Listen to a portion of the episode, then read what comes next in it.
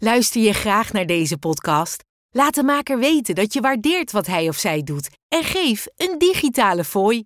Dat kan zonder abonnement, snel en simpel via fooiepot.com. Fooiepot met een d.com.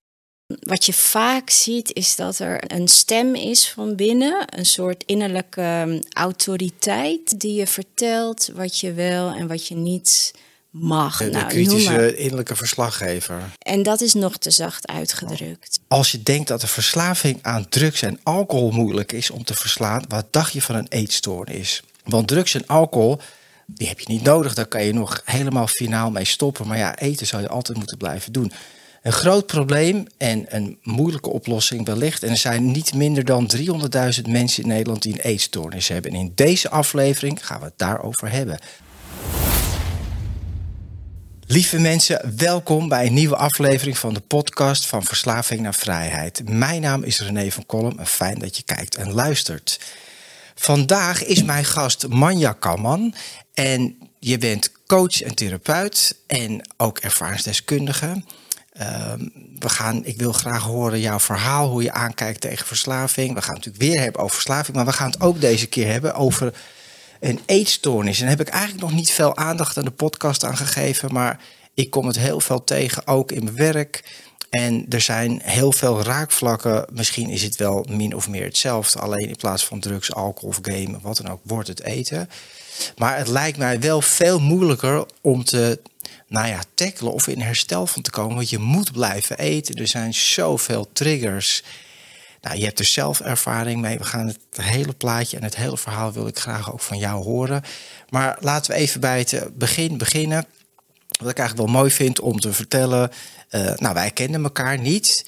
En jij stuurde mij gewoon een hartstikke mooi boek op. Het boek wat je zelf geschreven hebt. Ik weet dat je er bent. Nou, het is echt wel ook een boek, hè? Het is een, uh, ik noem het ook wel eens mijn, uh, mijn olifant uh, baby. een baby omdat het heel dicht aan mijn hart ligt. Ja. Ik heb er echt met hart en ziel zit ik erin. En een olifant omdat het dus 448 pagina's is. En nou ja, het had ook een behoorlijk lange draagtijd. Ja. Dus, ja.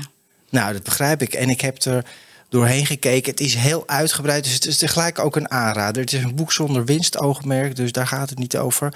Maar het is wel, wat ik er mooi aan vind... het is heel compleet en het is heel breed. Je pakt allerlei verschillende uh, ja, invalshoeken eigenlijk naar verslaving. En, en uh, uh, wat ik ook net heel mooi vond... we hadden even een voorgesprekje voordat de camera en de microfoon ging lopen... over dat verslaving eigenlijk een gevoelsprobleem is. Hè? Ja. We hebben het natuurlijk vaak over gedragsprobleem en over een hersenziekte en allemaal van dat soort dingen. Ja. Maar nou, laten we daar eens mee beginnen. Hoe kijk jij, ik vond dat heel mooi, verslaving is een gevoelsprobleem. Hoe zie jij dat? Hoe kijk je daar tegenaan? Ja, ja. Um, ik werk, uh, kijk, ik, ik, werk sowieso als therapeut, werk ik met, met uh, gevoelens van mensen. Ja. En uh, vaak mensen die bij mij komen, die hebben dus een verslaving of een eetstoornis. Die, um, ja, die zitten in eerste instantie, zijn ze heel erg met, bezig met wat ze doen. En wat ze fout doen vooral en wat ze niet willen doen.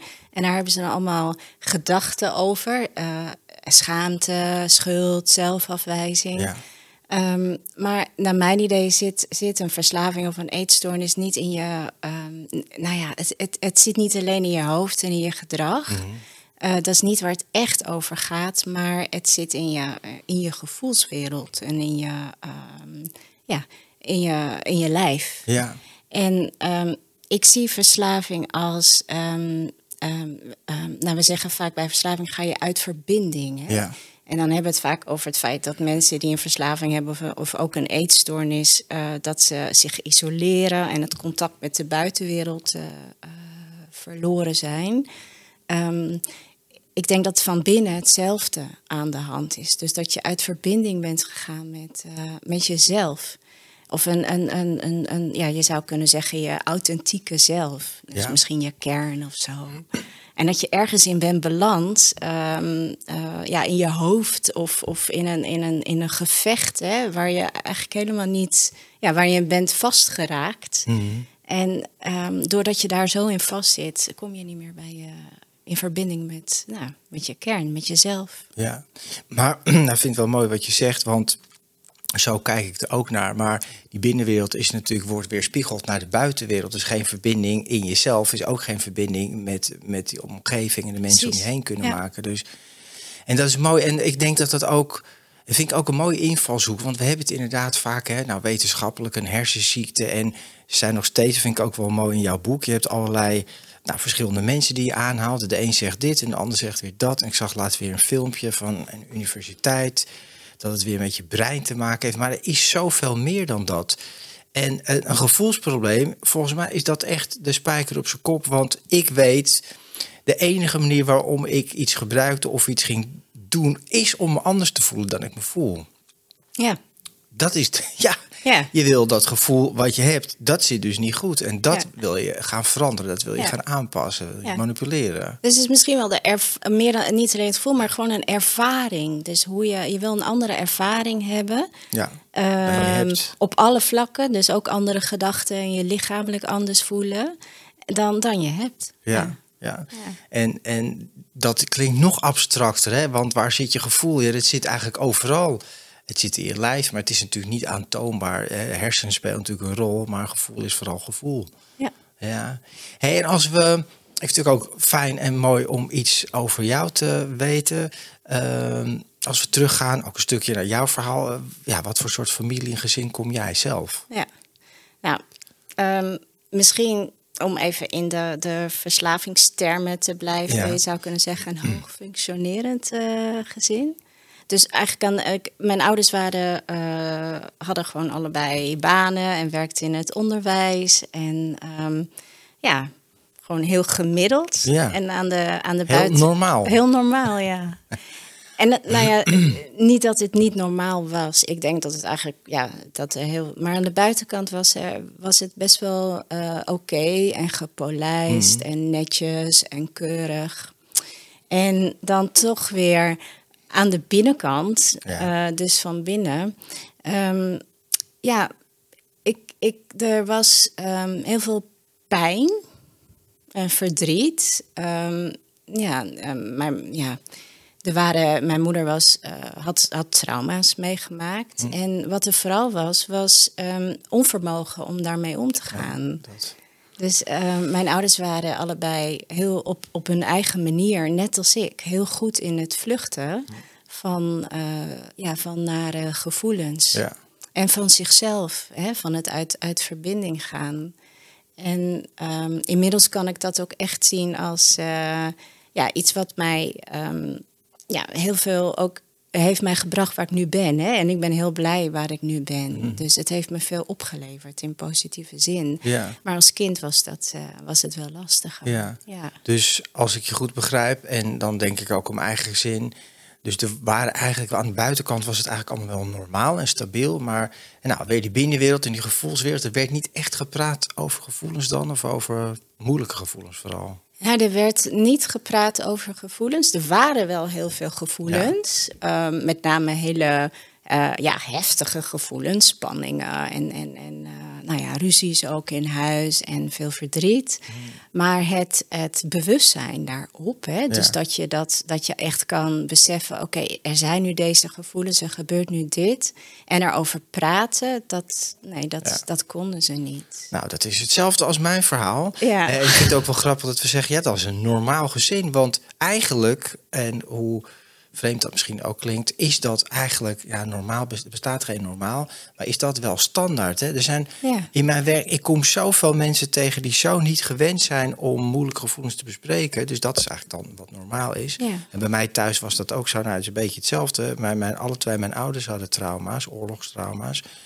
Nou, precies wat jij zegt, veel verdriet, veel spanningen. Eigenlijk geen goed huwelijk. Ik weet niet of dat bij jou zo, maar bij mijn ouders was dat in ieder geval niet zo. Maar erover praten, of als ik zei van uh, hou ze op met ruzie maken of dit of dat, dan werd dat ook ontkend bij ons. Hè? Dus dan zeiden ze van ja, we maken geen ruzie of er is niks aan de hand. Was, oh, dat, ja. was dat bij jou ook zo of, of ging dat anders? Um, nee, want ik denk dat het feit dat er ruzie was, was echt moeilijk te ontkennen. Maar wat er, wat er vaak gebeurde, ik, ja, als kind bes, bes, ik was gewoon heel erg verward, denk ik, eh, als meisje. Want ik, ik, ik merkte dat er een heleboel speelde hè, en ook echt wel heel veel pijn onder de oppervlakte was. En nou, misschien, ik voelde ook wel dat, dat niet alleen die pijn, maar, dat, maar ook liefde, ehm, waar, ze, waar, waar, men, waar mijn ouders niet zo heel veel mee konden met die liefde. Ja. En bedoel je om te geven? Om of te te- geven ja, ja. en om te ontvangen ook. ja. Ja. Maar ehm, ja, wat, wat, ze, wat met name mijn moeder denk ik liet zien, was, was eh, ja, hardheid en, en eh, ja, je best doen en succes en perfectionisme. En, en ook gewoon heel, ja, heel veel praten en, en dingen vanuit weten. Vanuit hè? ja. je hoofd, ja, ja, ja. Ja, en daar kon ik, daar kon ik, ehm, kon ik haar niet bereiken. Ja. En ik snapte ook niet hoe dat zo in schril contrast tot elkaar kon staan. Dat, eh, dus ik denk dat verwarring, dat dat het woord is wat het beste mijn, ehm, mijn afkomst of mijn gevoelservaring, dus van vroeger, gewoon echt verwarring. Ja. Van ik voel iets heel anders dan wat ik nu zie. En, eh, ja, en wat ik zag en wat ik meemaakte, die spanningen, dat, eh, ja, daar wist ik ook niet hoe ik daar dan mee om moest Nee, gaan. maar dat weet je ook niet, toch? Als je, Nee. ja, als je klein bent, als je jong bent. En had je nog zusjes of broers? Of Ja, je- ik oh, heb een broertje. Ja, hij is jonger dus, ja. ja, nou, Ja. ja, hij is inmiddels ook 47. Ja, oké. hè, maar ik noem hem nog steeds mijn broertje. Ja. Ja, ja oké. Dus dat was wel heel fijn. En kon je met hem wel verbinden, zeg maar, in die gevoelswereld? Of, Ja, dat is een vraag die me gelijk raakt. Want hij is mijn jongere broertje. En, en ik denk, eigenlijk had ik er als grote zus ehm, heel veel voor. Heel lief, ik had hem graag voor, had ik er graag voor hem willen zijn. Ook. Ja. Alleen ik was gewoon alleen maar bezig met, ja. met ja, het klinkt misschien een beetje hard, maar met overleven Ja. binnen die hele spanningswereld Ja. van, eh, in het huis. En ja, ja, dat is toch wel heftig. En dat is wel bijzonder, want als we nu, de, dat gaan we niet doen, maar terugspoelen naar vijf of zeven minuten geleden. En zei, ik kom eigenlijk uit een heel normaal gezin, maar als we dan verder praten, en ik begrijp, hè, want dat is tegenwoordig ook normaal, speelt er toch eigenlijk heel veel. En die verwarring, ik herken dat ook, hè. En, en eh, ja, het is heel lastig, weet je. Hoe ga je ermee om als je ouders ruzie maken, als er veel spanning zijn en ook als er over dingen... Ja, bij jou werd er dan wel gepraat, zeg je, maar vanuit hier. Nou, Ja. mijn, mijn vader zei gewoon, die, die, jij zegt ontkennen was moeilijk. Mijn vader zei gewoon, nee, is niet zo. Ja. Dus we zitten hier op een tafel met een lichtbruine vlak. Hij zegt, nou, dat is gewoon niet zo. Ja. Die kon gewoon keihard zeggen, is niet zo. Die was zo aan het weglopen voor zijn gevoelens. Ja, daar kon ik helemaal niks ja, mee. ja, Echt wel bijzonder ook. ja. Ja, dus, ja, en inderdaad, dus dat de, de ontkenning, eh, die herken ik. Ehm, maar misschien eerder van, ja, ja, inderdaad, er is niks aan de hand en het is jouw, wat jij, het, en het is jouw probleem of het Ja. ligt aan jou. Dus alles wat jij voelt eh, of wat je zegt, dat, ehm, Ja. ja, dat Ja. zit in jou. Ja. Dat, eh, Ja. Ga er maar, deal er maar mee Ja, of zo. ja.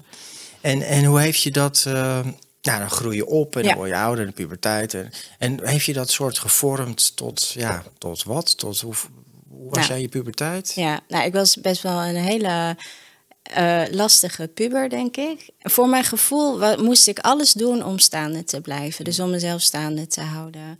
En dat maakte dat ik eigenlijk het, ehm, nou, het gevecht met mijn moeder dan met name ook aanging. Ja. Eh, dus ik was, stond altijd in de, in de vechtmodus.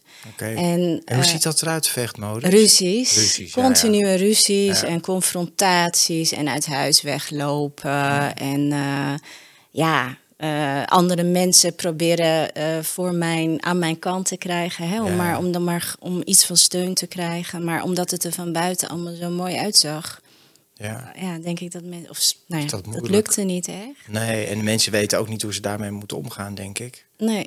Nee. Nee. En, en op een gegeven moment toen kon, kon, kon ik gewoon niet meer vechten. En toen was ik op, op mijn achttiende verjaardag, Ja. of een paar dagen daarna, toen ging ik dus in de vluchtstand. Hm. En toen ben ik uit huis gegaan. eh, en toen ben ik naar het buitenland ook gelijk gewoon, voor mijn gevoel, hè, zo ver weg mogelijk. En eh, nou, toen ben ik een aantal jaar in Italië gaan wonen. Dus eh, zo ben ik ermee omgegaan. Ja. Ja, En, en dan, het is wel een mooi bruggetje wat je maakt. Het is inderdaad van eh, vechten, vechten vluchten, fight, flight en Ja. ja. freeze. Maar goed, eh, je bent eigenlijk van vechten naar vluchten gegaan. En hoe zag dat vluchten dan uit? Want letterlijk, hè, je bent uit huis gegaan en naar. Italië. Nou, dat klinkt nog best eh, aantrekkelijk. Maar Ja. begon het toen ook al, nou ja, dat je dingen ging gebruiken of juist niet? Of met eten, hoe, hoe ging dat? Ja, dus toen ik in Italië kwam, toen, ik, ik begon, toen als au pair. Dus ik zat dus eh, ja, als eh, kindernanny in een, in een familie. En ik weet nog dat ik toen na een maand of twee, drie, zei ik tegen die moeder van dat gezin, zei ik van, het is zo bijzonder, want ik heb al drie maanden geen ruzie gehad. En dat, dat, dat gebeurde dus, dat ik, de, die, ik hoefde niet meer te vechten, maar toen kwamen er ook weer, al- kwamen natuurlijk wel allemaal gevoelens omhoog, waar ik helemaal tot dan Ja. toe niet mee had gedeeld. En toen, toen begon de eetstoornis. Ja. En ik had, eh, ik had bu- bulimia, hè, dus ik Ja. had eetbuien. En die compenseerde ik met, eh, met overgeven. Ja. En eh, ja, daar, daar is dat begonnen. Ja. En door de jaren heen is, dat, is, het, is het ook ja, meer niet eten geworden. Hè? Dus, eh, Ja, gaat de andere kant op. ja, en, ja. Heel, en niet alleen dan heb je het toch weer over gedrag, hè, maar ook heel hard werken. Ja. En perfectionisme en controle willen houden. Ja. Dus, eh, Ik zie het al helemaal voor me. En, en, maar wat ik wel eh, ook wel intrigerend vind wat je zegt.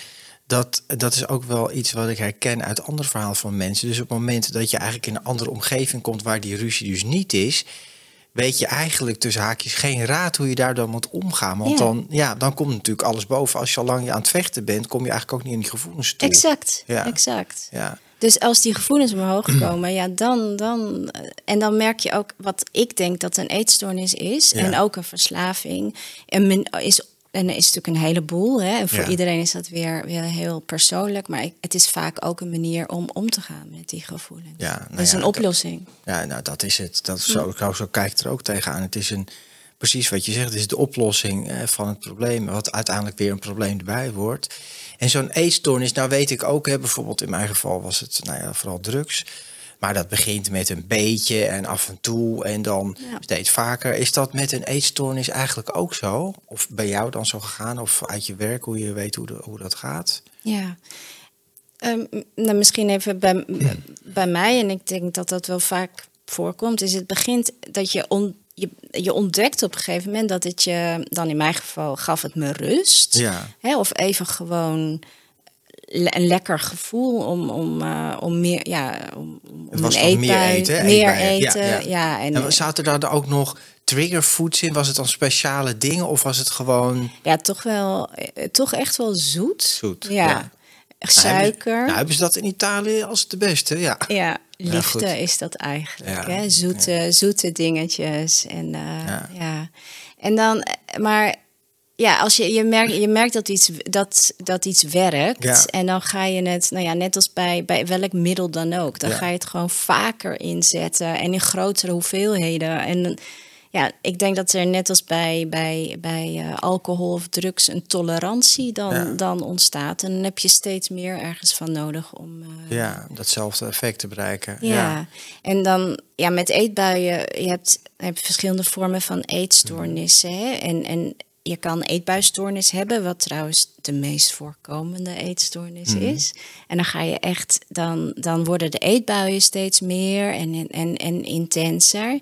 Ehm, maar omdat ik ook nog een, een soort obsessie met, eh, met uit, ja, toch wel met niet, te, niet dik worden en, en eh, Ja, van gaat, het gaat wel heel vaak zo, dat Ja. hand in hand, ja. Zeker. Ja. Ja. Dus dan Maar dit is een lastige combinatie, eetbuisstoornis en niet dik worden. Dus ga je Ja. dan compenseren, bedoel je dat? ja, dus dan ga je. Ik ging dan compenseren en dan, hè, dus door over te geven met name. En eh, nou ja, eh, gewoon allemaal diëten Ja. en calorieën tellen. En, Ja. en dan krijg je, dat, krijg je dus eigenlijk wat bulimia is. En, ehm, nou ja, en op een gegeven moment hield ik ook op met compenseren. Gewoon simpelweg omdat ik, ik, ik schaamde me voor het feit dat ik overgaf. En ik, volgens mij was Ja. ik ook door... Ik had op een gegeven moment huisgenoten, was ik daar ook op betrapt. Hè? Dus toen dacht ik, oké, dan gaan we niet meer overgeven, maar dan gaan we ook niet meer eten. En toen kwam ik erachter hoe, ehm, ja, hoe het dus werkt als je niet eet. En als je heel weinig eet. En ik Dat zat ook ook weer een gevoel, toch? Dat geeft een, ja, nou laat ik zo zeggen. eh, ik zat in Milaan toen Ja. en het waren de jaren negentig. Dat waren de, de echt mode weer. Het was een modestad hè. Ja. En, en alle graadmagere modellen waren toen eh, Kate Moss en zo. Die, die waren Ja, toen. ja, in die eh, tijd. Ja, ja, ken je die uitdrukking hero, heroin ch- chic? ja, ja. ja. Ja, ja. Dus eh, Kate Moss heeft toen gezegd van eh, iets in de trant van ehm, ehm, niets voelt zo, zo eh, niks smaakt zo lekker. Nothing tastes as good as skinny feels. Als dun zijn voelt. Hmm. Ja.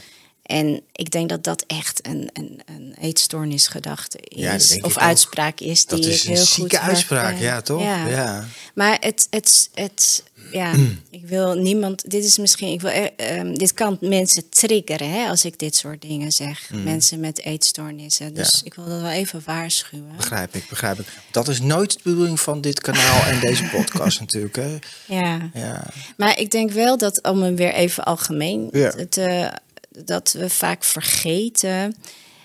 Tenminste, wij in de, de verslavingswereld, Ja. hè, of, als we, of ook naast, als we het gevecht aangaan met de verslaving van een dierbare.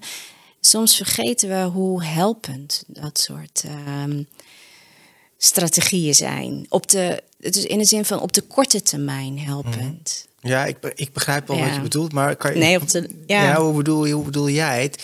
Voor degene met de verslaving of de eetstoornis bedoel je? Hoe, hoe goed Ja. het werkt, ja. Het, heeft, het is gewoon een, ook, een quick fix. Ja. En die fix is niet zomaar een fix. Het is, de, de, ja, het is gewoon een, een- op de korte termijn geeft het je echt een heel goed gevoel. Ja, En ehm, ik denk dat het ook belangrijk is om, om, om het daar soms over te hebben. Want als je dat dan weer zegt van nee, het is slecht en je wordt er ziek van en je gaat er dood van en je doet je, je naaste pijn. En dat is allemaal ook waar. Maar daarmee druk je eigenlijk het, dat, dat helpende, eh, die helpende functie van een, van een verslaving of eetstoornis, die maak je daarmee weg. ja. En ja, wat je wegdrukt is natuurlijk niet weg. Nee. Ja, ik- ik, ja. vind het wel mooi wat je zegt. Dus dan komen we voor in mij, zoals ik jou hoor, hè, weer bij dat gevoel uit. Ja. Dat je het ook echt doet, zoals natuurlijk altijd al die dingen. Maar misschien ligt daar toch te weinig eh, nadruk op. Om je gevoel dus, om je beter te voelen, om je Ja. anders te voelen. Om je beter te voelen of minder slecht of ehm, minder onzeker. Of, eh, of ook gewoon omdat je, stel dat je heel erg prikkelgevoelig bent om meer Ja. rust te hebben of om te ontladen. Check, check, check. Ja. Of om dichter bij jezelf te komen. Ja, wat heel bijzonder is, want dat, dat is, eh, ik herken alles wat je zegt, want eh, dat is eigenlijk is dat allemaal hetzelfde dan. Maar dicht, je komt natuurlijk eigenlijk niet dichter bij jezelf, maar op een bepaalde manier door het gebruik of de eetstoornis of wat dan ook, voelt dat wel even zo. Ja. Hoe, hoe kan dat eigenlijk? Hè? Hoe, hoe denk jij dat dat zit? Want Ja. ik, ik denk er nu, as we speak, denk ik erover van... Eigenlijk hebben we het over van verslaving is eigenlijk de verbinding kwijtraken met jezelf. Maar op het moment dat je gebruikt, voel je hem weer even. Ja. Dat is eigenlijk ook wel bijzonder. Ja, dat is, dat, dat is volgens mij één, nou, misschien wel de kern van een verslaving, is dat het je verder weg van jezelf haalt en tegelijkertijd geeft het je het gevoel om weer even in contact met jezelf te zijn. Ja. Dus, en, maar wat daarbij wel zo is, ehm, je moet daarvoor wel dingen uitschakelen Ja. voor dat contact met jezelf. En de real thing is misschien wel dat je in contact met jezelf kunt zijn en tegelijkertijd dat je aanwezig kunt blijven bij alles wat zich aandient. Dus Ja. ook je pijn en, en, en, en nare levensomstandigheden. ja, maar dat willen mensen met een verslaving nou juist net niet. Nee, dus Dat, dat is een, eh, ja, Ja. dat is de kunst. Ja. Jij, volgens mij heb jij ook een, eh, een keer met eh, in je podcast heb je Adolf Langeveld Ja. gehad. En ik ga, hij zegt altijd: verslaving is een kans. Hè? Mhm. En die, daar, ik, daar ben ik het helemaal mee eens. En dat is een uitspraak die ook mij echt heeft, heeft geholpen. Verslaving wijst je eigenlijk. Tenminste, dat is mijn visie. Hè? Het- Ja. Het is niet de waarheid. Maar ik denk dat verslaving een vriend is die jou de weg wijst van waar je moet zijn. En een vriend die je bij de, ja, die neemt je, die je bij de hand neemt. En waarschijnlijk al als kind neemt hij je bij de hand, omdat er eigenlijk niemand anders is die jou bij de hand neemt. En je dan door allerlei van dat soort fijne ervaringen laat, laat beseffen van waar dan uiteindelijk ehm, ja, die, die liefde is, of die bron van innerlijke bron van heling, Mhm. waar je zo naar, naar verlangt. Alleen verslaving doet dat met, met een, een prijs. En die prijs is het verlies, eh, het verlies van bewustzijn. En dat is eigenlijk het pact wat je, als, ehm, wat je maakt met je verslaving of met je eetstoornis. Want het is voor mij precies Voor hetzelfde. jou is het echt hetzelfde. hè? Ja. nou, dat is wel goed om even duidelijk te hebben. Ja. Ja, nou, Ja. niet.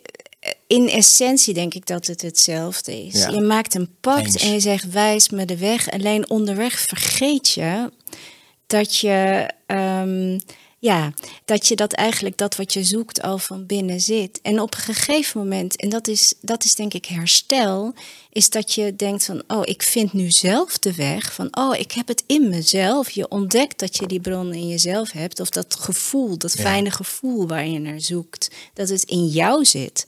En niet in een potje of in een, in een zieltje of in een, eh, in een fles of ehm, nou ja, in een, in een zak eh, koekjes. Ja. Maar in jou. Ja. En Ja, ja, ja ik, ik probeer me even te vertalen. Je vertelt het echt heel mooi.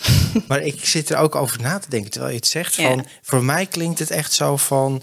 ehm, het laat je eigenlijk het, door die middelen, of de eetstoornis of wat dan ook... geeft het je een bepaald gevoel. Maar dat gevoel zit al in jezelf natuurlijk. En het laat je ook zien, dat vind ik dan ook wel mooi... dat dat dus niet de weg is om bij jezelf te komen. Dus je, je komt er wel, maar er zit een hele grote eh, prijskaartje aan en een hele grote detour. En je raakt jezelf natuurlijk door, door deze methode ook kwijt. Maar Ja. het, het raakt wel steeds even dat gevoel aan. Ja, het is, een, een- ik, het is ook heel lastig om het te omschrijven. En het is ook natuurlijk, ik praat in een metafoor en een beeld. Ja. Hè? Maar doordat je die verslaving bij de hand neemt, doe je het niet zelf. En je moet echt de, die hand van je verslaving of je eetstoornis loslaten. Om, het, om zelf die weg te kunnen afleggen. Ja, mooi. Dus, en, en dat loslaten van die hand van, van je helper, dat is het allerengste. En het allerspannendste wat ik in elk geval tot nu toe heb gedaan. Ja. En heel veel van mijn cliënten ook. En toch doe je dat omdat je van binnen ergens weet dat, dat, dat, daar, ja, dat, daar het, dat je dan uiteindelijk het echte geluk gaat Ja, vinden. mooi. Hele mooie metafoor. Ja, en nog, nog even een het, eh, sprongetje terugmaken naar, naar jouw verhalen. Je was in Italië en die eetstoornis begon zich te ontwikkelen. En eh, toen zei je ook van, nou, dan, dan, oké, dan ga ik niet meer eten. En, maar is het niet, net zoals met elke verslaving, dat je er dieper en verder in komt? En, en eh, hoe lang, zeg maar, over tijd heb je daarmee geworsteld zelf? Ja, nou ja, ik heb er dan, ik was 18 toen ik eh, begon met mijn eerste eetbuien, denk ik. En dan, ik was rond mijn 26, 27, 26ste, hielden die op met mij. Maar ik, daarbij moet ik wel zeggen, het werd vervangen door, eh, in mijn geval dan weer een alcoholverslaving. Ehm, dan ben ik even je vraag kwijt. Nou, Wat- hoe, dat, hoe het eigenlijk verder ging. Hè? Dus Ja. je zegt van nou ja, die, die, die eetstoornis die ontwikkelde zich, eh, Ja. 18, 19. Ja. En, maar op een gegeven moment, nou ja, hoe je daar dan uitkomt. Maar jij zegt het werd eigenlijk niet zozeer eruit gekomen, het werd vervangen door. Het werd echt vervangen. Je En- ontdekte alcohol.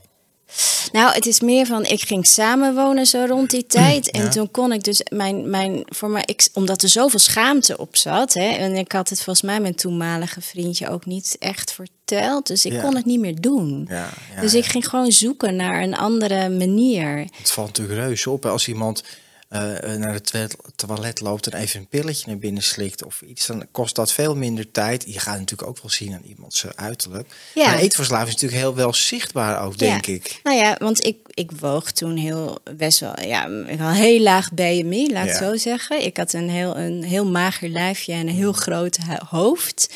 Maar we waren ook in Milaan en ik werkte ook soms in de modewereld toen. Ja.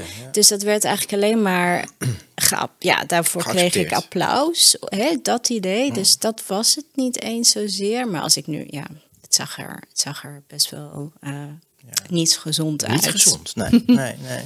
Nee. Nee. Maar het, het, het hield dus op omdat ik het niet meer kon doen. En ehm, ja, toen kwam er een ander gedrag langzaam voor in de plaats. En Ja. natuurlijk, ik had alcohol was altijd wel in mijn leven. Maar toen dacht ik van, ah, check. Dat, dat ehm, Ja, werkt ook. werkt ook. En het werkt misschien nog wel beter. Want ik, ik had ook met. Kijk, eetstoornis is misschien wel iets anders dan van verslaving, Hmm. omdat er ook heel veel dwang bij komt kijken. Ja, wat is dan... Hard werken, perfectionisme, controle. Altijd eh, ja, gewoon het beste uit mezelf halen. Ja. En eh, ja, dat. En is het dan... eh, ga je dan eten om te compenseren of niet eten om... Of is dat allemaal, valt het allemaal in hetzelfde rijtje van, van presteren en controle en eten beheersen, zeg maar? Volgens, voor mij hangen die twee gewoon continu aan elkaar. Dus hoe meer controle er is, hoe sterker de drang om eraan te ontsnappen. En als je heel ja. erg, als je gewoon zo heel lang in de controlestand hebt gestaan, op een gegeven moment laat je dat dan los, omdat je het gewoon doodmoe bent van dat, van dat harde werken. Ja, zo klinkt het ook, ja. En dan ga je, eh, ja, dan ga je dus eh, nou, op zoek naar verlichting. eh, hè, of ontspanning, of naar plezier. Ja. Of, ehm, ja. dan ga je die kant van de, het verlangen, hè, van de craving. op. Ja, ja. Ja. Ja, ik zit, ik zit te denken, ik heb veel vormen van verslaving gehad, maar niet op eten. Maar ik weet bijvoorbeeld wel, dat is misschien een kleine gekke vergelijking, maar ook weer niet. Je had het over die schaamte ook. Hè. Wat ik wel herken, is dat, al eerder verteld in een podcast, is hier weer de zak Engelse drop. Dat ik leef best wel heel gezond. En eh, dat vind ik gewoon prettig. Ik eet gezond, ik voel me daar gewoon goed bij. Is niet zozeer heel gespannen of wat dan ook. Maar dan werkt mijn lichaam gewoon beter. En ik vind het ook lekkerder. Maar als, bijvoorbeeld als ik echt... Ik heb veel gewerkt en dan moet ik nog terugrijden. Ik ben echt moe. En een beetje een moeilijke dag. Wat moeilijke mensen of moeilijke gesprekken. Moeilijke mensen. En ik rijd dan terug en ik heb misschien net niet genoeg geslapen. En dan stop ik bij een tankstation. Nou, daar kan je bijna alleen maar ongezonde dingen kopen. Maar daar heb ik dan ook wel zin in. Dan weet ik wel dat eh, bijvoorbeeld een zak Engelse drop is dan zo'n ding.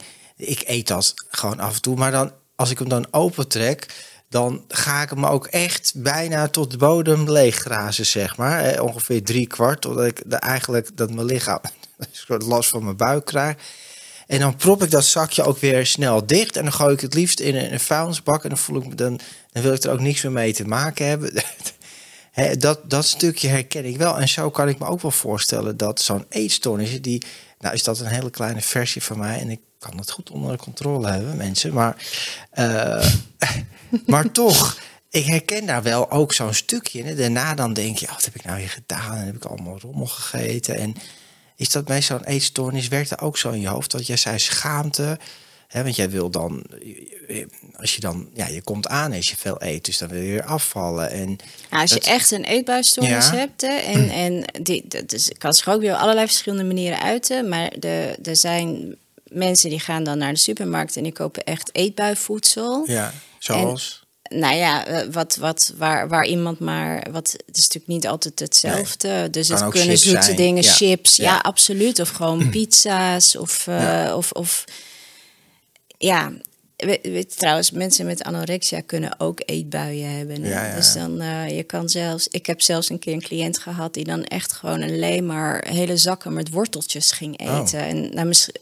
Nou, het is weer een ander verhaal. Ja. Gezond eten kan je ook Ja, weer ja, veel ja, te ja. veel doen. Ja. Ja, en dat, dan, dan, dat is wel schaamtevol. Want dan denk je, dan doe je eigenlijk net alsof je boodschappen doet voor een, een, eh, nou, een hele week of twee Ja, weken misschien.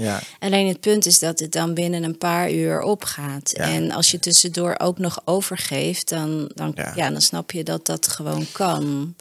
Eigenlijk wel heftig ook, hè, als je het zelf vertelt. En, als ik het heel triest. plastisch ga Ja. vertellen, hè, van dat je dan ook nog kan, je kan, we- als je overgeeft, kun je dus met jezelf, je, je leert van wanneer het eten eruit is en wanneer je dan in een nieuwe laag van eten komt, wat je bijvoorbeeld nog wel binnen mag houden van jezelf. En dan ga je dus monitoren wel- welke kleur je braak, welke kleur je braaksel heeft en zo. Nou, het is echt, Ja, ja, maar Dus- zo gaat het dus wel. Hè? ja. Ja, ja, ik hou Ja. er altijd wel van. Nou, dit klinkt dit niet zo heel fris, maar om te vertellen, gewoon zoals het is, hè? Want Ja. zoals het bij jou werkt, zo werkt het bij iedereen natuurlijk. ja. ja. Maar het, is, het, het klinkt toch ook wel. Maar er is natuurlijk met al die verslavingen wel dat hele zieke stuk ook waar je steeds jezelf weer nog steeds verder kwijtraakt. hè, Ja, met allerlei ja, dingen. het is echt een, een aflopende, ja. Eh, een naar beneden lopende spiraal. En, En, en herken jij ook, hè, wat ik eh, begrijp uit mijn werk als familiecounselor, en naast zie dat gezinnen net zo gegijzeld worden iemand met een eetstoornis Mm. als iemand met een drugsverslaving. Kom jij dat in je werk ook tegen? Of is dat zie jij, Heel je dan- erg. Ja? Ja, ja zeker. ja. Ja. is gewoon is hetzelfde. En ehm, ja, de eh, ouders, eh, familie of naasten of partners voelen zich ontzettend machteloos. En ook Ja. omdat het vaak zo moeilijk is om te begrijpen wat er met je geliefde, met je kind of met je partner gebeurt. Mhm. Want die binnenwereld, eh, wat er in het hoofd van iemand gebeurt, is vaak, ja, hoe het is zo anders dan wat er aan de dan, de, dan wat je denkt dat er aan de buitenwereld in de buitenwereld van je verlangd wordt. Ja. Dus bij eetstoornissen, dat is misschien wel één ding om, om wat, wat, wat goed is om te noemen. Ja. Ehm, wat je vaak ziet is dat er een, een stem is van binnen, een soort innerlijke ehm, autoriteit, Ja. hè, die je vertelt wat je wel en wat je niet mag of kunt. Of bijvoorbeeld je zegt dat je waardeloos bent, Ja. of ehm, lelijk of slecht. Of, eh, de, de nou, kritische innerlijke verslaggever. Ja, maar dat is een beetje zacht uitgedrukt. Ik denk dat bij eetstoornissen wel soms echt een innerlijke dictator. En, ehm, en dat is nog te zacht uitgedrukt. Dat is wel heel dwingend, heel heftig eigenlijk. Ja, ja. En, en dan, dat is een soort instantie of autoriteit eigenlijk. En die heeft dan vaak allemaal helpers. Ehm, dus dat zijn weer andere stemmen die je dan op een bepaalde manier van binnen naar je vertalen. Dus bijvoorbeeld ja, een stem die je zegt van oké, dus je moet nu gaan afvallen of calorieën tellen of je moet heel veel dansen of sporten of eh, hè, dus een stem die je regels oplegt, maar dat is nog de zachte stem, want de harde stem die erachter zit van die autoriteit, ja, dat dat dat is gewoon zo intens pijnlijk. En ga dat maar eens aan, aan de buitenwereld vertellen Ja. hoe dat werkt. Ja, want dan denken ze toch wel dat je een soort van gek bent of geworden bent. Ja, of, of dat. En, en, en ook het voorstellingsvermogen, hoe erg dat dan is, Ja. dat is er vaak niet. Maar ook in de, in de, in de verslavingszorg en bij naasten. Ja. Er wordt vaak gezegd, je mag niet naar die stem luisteren. Of je moet die stem uitschakelen. Of ik praat niet meer met jou als, die, als jij vanuit je eetstoornis, hè, vanuit die stem praat. En dus eigenlijk is het ook weer bestraffen en beschamen van nog steeds wel iets wat van binnen bij jou. Dus een deel van jou. En dat is ook alweer zo pijnlijk. is Dus dat maakt het eigenlijk afwijzing. alleen maar erger. Ja, Ja, er is heel veel afwijzing. heel veel afwijzing. Dus met, en ik wil wel zeggen, met alle goede bedoelingen. Hè? Ja. En echt uit onmacht Uiteraard. en liefde. Ja. Nou ja, goed, dat is het altijd. Hè? Dat is het altijd. En, en nou kan ik me toch zo voorstellen, maar ik weet het ook wel vanuit mijn eh, werkervaring, dat ja, daar begon ik de podcast mee van, nou ja, iemand zeg maar heeft een alcoholprobleem, die komt uit de kliniek. Dan is het vrij duidelijk van, zolang die niet drinkt, zijn we in ieder geval eh, op de goede weg. Hè? Dan zijn we er nog niet, maar eh, geen alcohol. Maar als iemand terugkomt voor een eetstoornis, ja, ze moeten wel blijven eten. Dus dat is voor de naaste, lijkt mij, nog veel spannender. Hè? Wat, wat eet hij of zij? Nou, het zijn, heb ik ook gelezen in de cijfers, het zijn ook helaas meestal vrouwen. Er zijn meer, volgens mij meer vrouwen met een eetstoornis dan mannen, weet jij dat? Ja, dat, dat eh, daar lijkt het wel op. vermoed ik wel. En dan kan je daar ook weer allemaal. Ja, ik weet het eigenlijk niet 100% zeker. Misschien dat het ook bij vrouwen meer ge- geaccepteerd is om het over lichaam en zo te hebben, een eetstoornis. Maar ik, ja, officieel wel. Ja. Ja, ja. Maar dus, dus dat lijkt me helemaal lastig. Van hoe ga je dan om met iemand die een eetstoornis heeft? Want ik ken ook mensen die zeggen, ja, dan gaan we samen eten. En dan ga je natuurlijk heel erg op dat bord zitten, lijkt mij dan. Hè? Ga je op dat bord zitten kijken, wat, wat eet ze, wat eet ze niet? En wat staat er in de kast? Er met alle kastjes. Dat is ook wel een gevangenis, lijkt me, om daarmee om te gaan. Ja. En, en ja, weet je René, dat, dat is dus wat ik eigenlijk niet, niet doe met mijn cliënten. Dus we- eigenlijk heb ik maar heel weinig over eten en, en hoe dan en wat wel Ja. en wat niet. Omdat, ja, ehm, dat moet, moet natuurlijk gebeuren ook. Dus ik begrijp dat dat voor de omgeving een hele lastige taak is. Maar ik kijk eigenlijk liever van of, meer naar wat gebeurt er nou van binnen met je. En ik probeer Ja. van binnen de vrede te. Of eigenlijk meer rust, rust de, c- de cliënt te helpen of de ander te helpen om zelf in rust, in een rustige, Ja. relatief rustige staat te komen. En zelf de verbinding aan te gaan met al die eh, stemmen en, en die, die, die delen die, eh, die, daar, die iets doen en iets Ja. willen. Dus eigenlijk op een liefdevolle, compassievolle manier van binnen vrede te stichten. Ja, met jezelf, maar ook met die stemmen en al dat gedoe in Ja. jezelf. Ja, En dan, het, het, dan, dan is eigenlijk de gedachte is dat als het van binnen rustiger wordt, dan verdwijnt en, en ook traumawerk hoort daar ook bij. Hè? Ja. Dus de pijn, Ja, eh, traumadelen helen. Als het rustiger wordt, dan verdwijnt de noodzaak uiteindelijk Ja. voor een eetstoornis of een Ja, verslaving mooi. op ni- gedragsniveau. En dan kun je dus die, die hand, uiteindelijk kun je dan die hand loslaten van die eh, vriend, valse vriend of nou ja, val- valse vijand, ik weet het niet. Ja.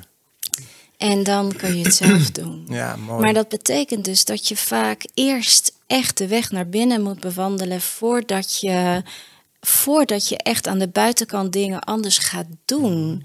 En dat is best wel sp- spannend, ook weer voor naasten, want die willen natuurlijk gewoon dat je stopt Ja. met, met, met niet eten, hè, of dat je weer normaal gaat eten Ja. of weer een normaal lijf krijgt. Ja, en dat is, en, en dat is het, het probleem van de naast. Dat vertel ik altijd in mijn sessies. Ik zeg, eh, ze verwachten dan ze bij mij komen dat ze een soort gouden formule krijgen, waardoor ze controle krijgen over iemand anders. Nou, ik zeg, nou, die krijg je niet bij mij, maar die krijg je nergens, want die bestaat niet. Je kan Nee. niet, hè, ze, de, de naasten voelen zich machteloos, die willen nou ja, controle vanuit wat jij zegt, liefde, verbinding, complete zorg. Ik hou zoveel van hem of haar. Wat kan ik nou doen? En het eerste wat ik altijd zeg, nou je hebt geen controle, maar je krijgt hem ook niet. Je kan alleen maar kijken, wat ga ik anders daarin doen? Ja. Maar die vrede is wel mooi, want wat ik jou ook hoor zeggen, en zo vertaal ik het, hè, al die stemmen, het is ook allemaal overleven. Ook uit jouw verhaal hoor ik dat, hè, toch je jeugd, en eigenlijk allemaal vechten, overleven, het gevecht met jezelf. Dus eerst, ja, vrede is toch ook ja, een stuk spiritualiteit, hoe je het ook wil noemen, het is ook maar een woord. Maar hè, rust, vrede moet er toch komen met jezelf, waardoor dat ook die noodzaak natuurlijk verder wegzakt. Absoluut. Ja. Ja. en ik vind dat dat is ook echt. eh, ja, ik vind spiritualiteit geen vies woord. Nee, ik maar ik, ik, ik denk dat dat. dat dus dan, dan heb je het over de spirituele dimensie. Dat die, die hoort er ook echt bij. ja, ja. ja. Maar ja, voor mij gaat het er altijd om. Alleen spiritualiteit is net zoiets als muziek. Daar vallen honderdduizend dingen onder. En ik hou niet van alle muziek. En dat is bij spiritualiteit ook. Maar het gaat, zoals ik het dan beleef, hè, de, de basisdingen om verbinding, vrede, acceptatie. Al die dingen, dat zijn voor mij allemaal spirituele Ja. waardes. ja. En met jezelf. En eh, Voor mij, hè, voor mij persoonlijk, hè, want ook spiritualiteit Ja. is natuurlijk voor iedereen weer, Weer zeer persoonlijk. Ja. Maar voor mij is het denk ik het besef dat je van binnen al ook echt oké bent. En dat je van binnen al heel bent. ja, En dat, ja, punt. Dus je bent echt oké. Ook, al, ook al ligt je leven in de puin en, en, en weeg je nog maar 8, 35 kilo of, of, ehm, nou, of eh, vijf keer zoveel. Hè? Maakt niet uit. On, ergens onder al dat gedrag en misschien zelfs erin, door, er doorheen verweven, zo is het ook. zit je essentie en in essentie ben je oké, echt waar. En dat is zo belangrijk dat mensen dat, dat, ook al geloof je dat, nu kan je dat echt nog niet geloven, maar hou het dan ergens in je achterhoofd. Je bent oké. Nou ja, dat is, dat is heel belangrijk wat je zegt. Dat is natuurlijk alle verslavingen en stoornissen hebben dat. Hè, eh, dat je toch voelt, het weer over de gevoelsbeleving, dat je niet oké bent. En Hè, ik vond mezelf echt een, ja, een loser, een klootzak, een mislukkeling. Eh, ik deed alles verkeerd, ik heb alles verprutst. Nou ja, zo'n mantra gaat er toch steeds door je heen. Dat is ook weer zo'n stem. Ja. Hè? En, maar dit is ook weer de stem die je weer laat gebruiken. En, hè, maar ja, het is natuurlijk heel, altijd moeilijk voor mensen. Ja, is dat de Ja. stem die je laat gebruiken? Of is het dat deel, hè, dat, dat wat je laat gebruiken, is dat een reactie op die stem die je zegt dat je niet oké bent? Ja, Dus dan is het een manier om daar even aan te ontsnappen en even het gevoel te hebben van, of de herinnering op te halen van, oh ja, ik ben wel oké. Want als je in, ja, nou ja, in de roes hè, of in de, Ja. in de eetstoornis trans, dan, kan, dan zijn er vaak momenten van echt helemaal oké zijn. ja Eh, ik vraag me... Illusoire, hè? Maar ja, toch, precies. Ja. ja. Nou ja, kijk, ik weet wel van dat, eh, en dat is geen reclame mensen, ik zeg het er altijd bij, maar dat eerste moment dat je dan gebruikt, dan komt er inderdaad een soort, ja, of het nou, dat is natuurlijk ook chemisch en op allerlei levels en, en niveaus wordt er iets getriggerd en losgemaakt.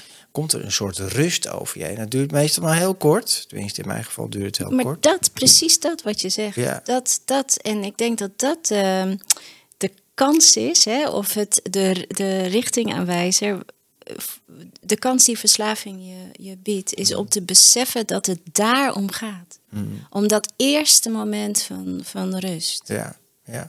Nou, ik vind het wel ook weer een mooi bruggetje. ik zit nu, zo'n gesprek ga je ook nadenken. Dat vind ik ook mooi aan dit gesprek weer. Kijk, als ik in mijn, ik mediteer en dat is, eh, nou, daar maak ik nooit een, eh, een geheim van. Eh, Ik heb elke dag doe ik mijn meditatie en mijn gebed, hoewel ik niet een geloof heb, maar ik, ik bid wel altijd naar, naar ja, het licht, het goddelijke in mezelf, de, mijn ziel, het universum, geeft er maar een naam aan precies waar we het over hebben, naar die kern in mezelf, waar die rust ook zit en hoe je dat ook noemt. Ik maak daar bidden is voor mij een, een ander woord eh, voor de verbinding maken met dat stuk in mezelf, buiten mezelf, wat er gewoon is. Ja. En dan ervaar ik ook die rust, eh, nou, van dat eerste moment van gebruiken, dat gewoon Ja. Oh, weet je wel, die spanning die er altijd maar is. En dat, die stemmen en dat gejagen. Heel veel mensen kennen dit.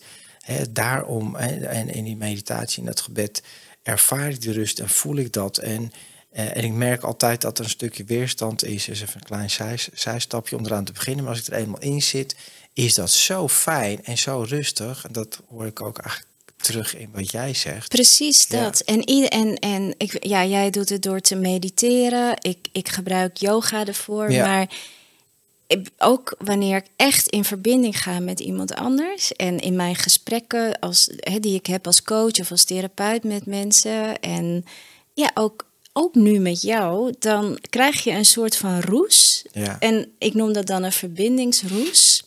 En dat is ja, dat is heel fijn. En het is, het is niet hetzelfde als een, eh, als een, een, een. Maar het is wel een soort high, Ja. toch? Nee, is het ook Ja. alleen. Ja, Een zo- natuurlijke roes. Ja, een natuurlijke, nou ja, een gezonde roes. Want dat is natuurlijk toch wat we zoeken.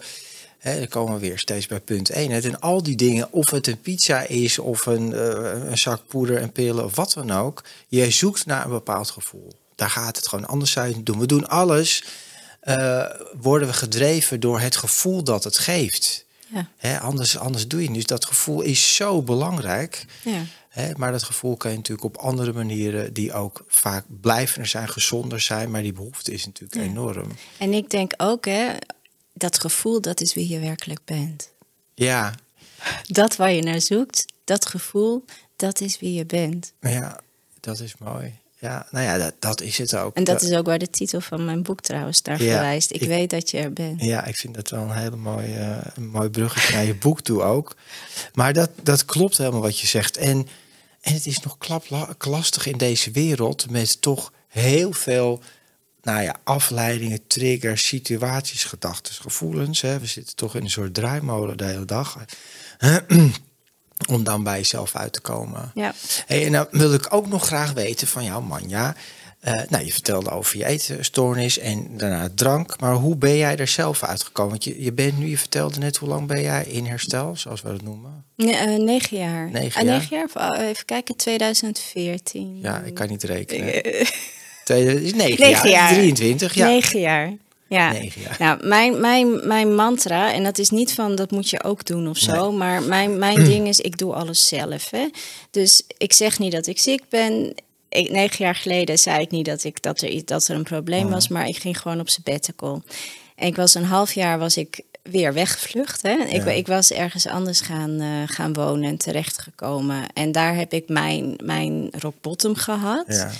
En ehm, nou ja, dat, dat daar en ik, ja, ik wou bijna zeggen, ik heb het alleen gedaan, maar dat is niet helemaal waar, want ik had ook online had ik wel contact met, eh, met lotgenoten. Ja, ja. Dus dat heeft me ook heel veel gebracht. Dus wel een Nee. beetje in verbinding. ja, geen twaalf stappen of wel, of zoiets. Nee, maar wel vergelijkbaar. Ja. Het was een forum voor eh, mensen met, eh met eh, alcoholproblemen. Het bestaat trouwens nog steeds. Alcohol de baas heet Maar goed. Oké, ja. Ja, bekend. Ja. Maar wat, wat, wat echt voor mij. ehm, ik kreeg op een gegeven moment. Kijk, mijn coping is. Ik, ik moest toen alles weten, te weten komen over verslaving. Ik wist wel van, oké, ik heb een alcoholprobleem, hier moet ik mee stoppen. Dus ik ging proberen te minderen, zoals dat dan gaat. En tegelijkertijd ging ik alles lezen wat, wat los en vast zat, eh, om te begrijpen aan welke, aan welk eh, ziekte ik had of welk probleem ik had. Dus heel erg vanuit het hoofd. Ja, ja. En toen nam een vriendin van mij, die, die kwam bij me op bezoek. Eh, want ik zat in Berlijn en die nam een boek me, voor me mee van eh, Jan Geurts. Misschien ken je die. Ja, Dat is ja, zeker. De Verslaving Voorbij Ja. had hij geschreven.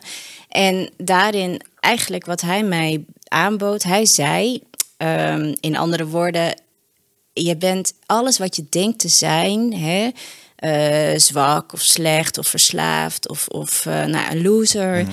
dat is niet wie je werkelijk bent. Je bent oké. Je bent echt oké. Dus hij en, en ik gewoon dat idee van, oh, maar ik ben dus gewoon eigenlijk ergens al oké. hè dus op spiritueel niveau, Ja. op een andere laag ben ik al oké.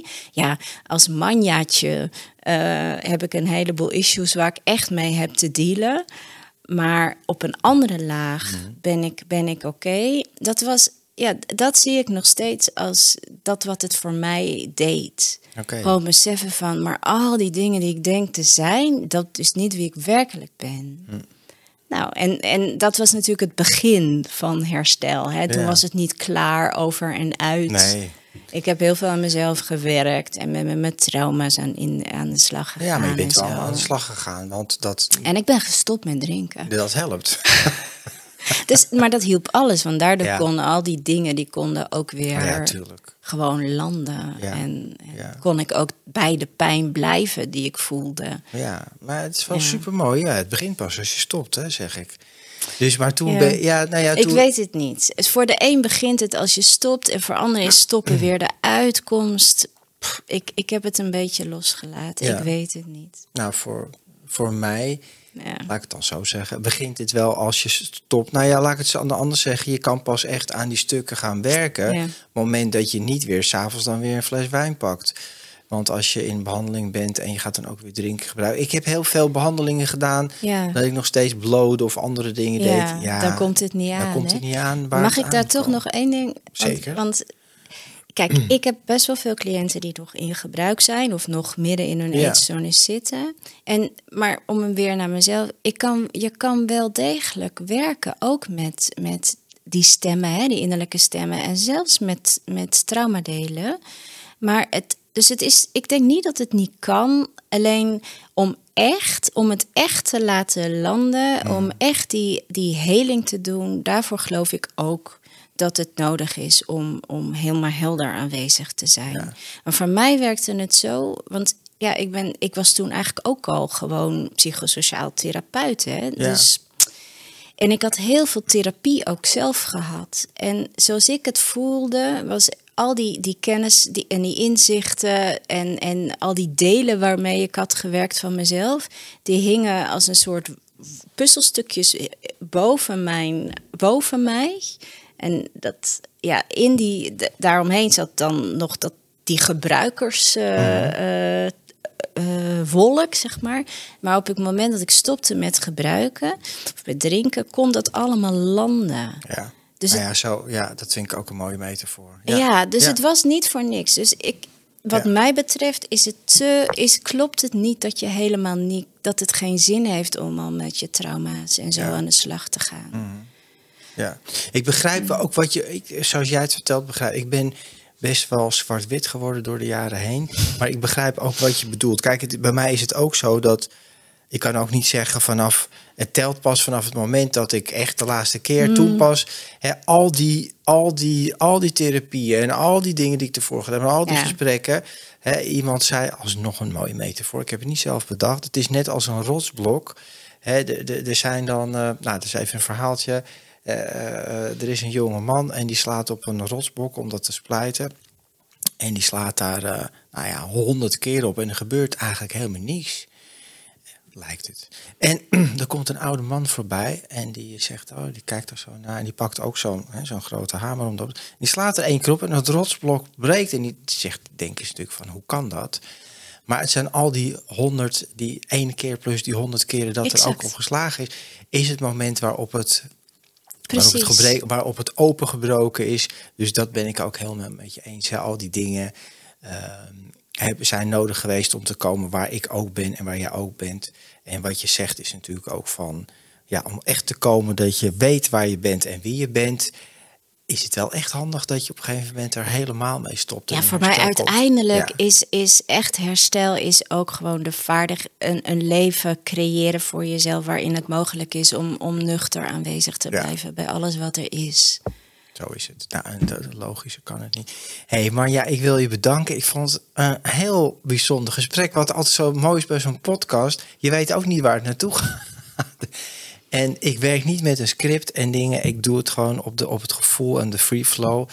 Maar ja, ik vind het heel super dat je hier gekomen bent. En nog even voor de mensen. Ik ga hem toch in, ook in beeld houden. En voor de mensen die luisteren. Manja Kamman, als ik het goed uitspreek. Ik weet dat je er, er bent. Een integra integratieve begeleiding bij verslaving herstel. Het is echt een mooi boek. Ik kan het echt aanraden als je meer wil weten over verslaving, eetstoornis. Alles waar we het over gehad hebben. Gemaakt zonder winstoogmerk. Dus je kan het gewoon bestellen en laat, laat weten wat je ervan vindt. Ehm, ja, lieve mensen. En als je herkent in dit gesprek van... Hey, dit, is, dit is iets wat mij ook raakt... of je kent iemand die ook zo'n probleem heeft... stuur het door, deel het met anderen... en like deze video of deze podcast... zodat die meer wordt bezocht en meer wordt gezien... voor iedereen die het nodig heeft.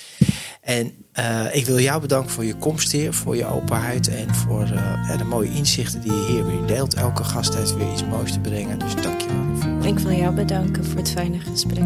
Dank je wel. Heel graag gedaan. En nogmaals, lieve mensen, dank jullie wel voor het kijken en het luisteren. En tot de volgende aflevering. Luister jij graag naar deze podcast en wil je de maker ondersteunen voor alle moeite en toffe content? Geef dan, als je wat kan missen, een digitale fooi. Dat doe je via fooiepot zonder abonnement of het achterlaten van privégegevens. Dus fooiepot.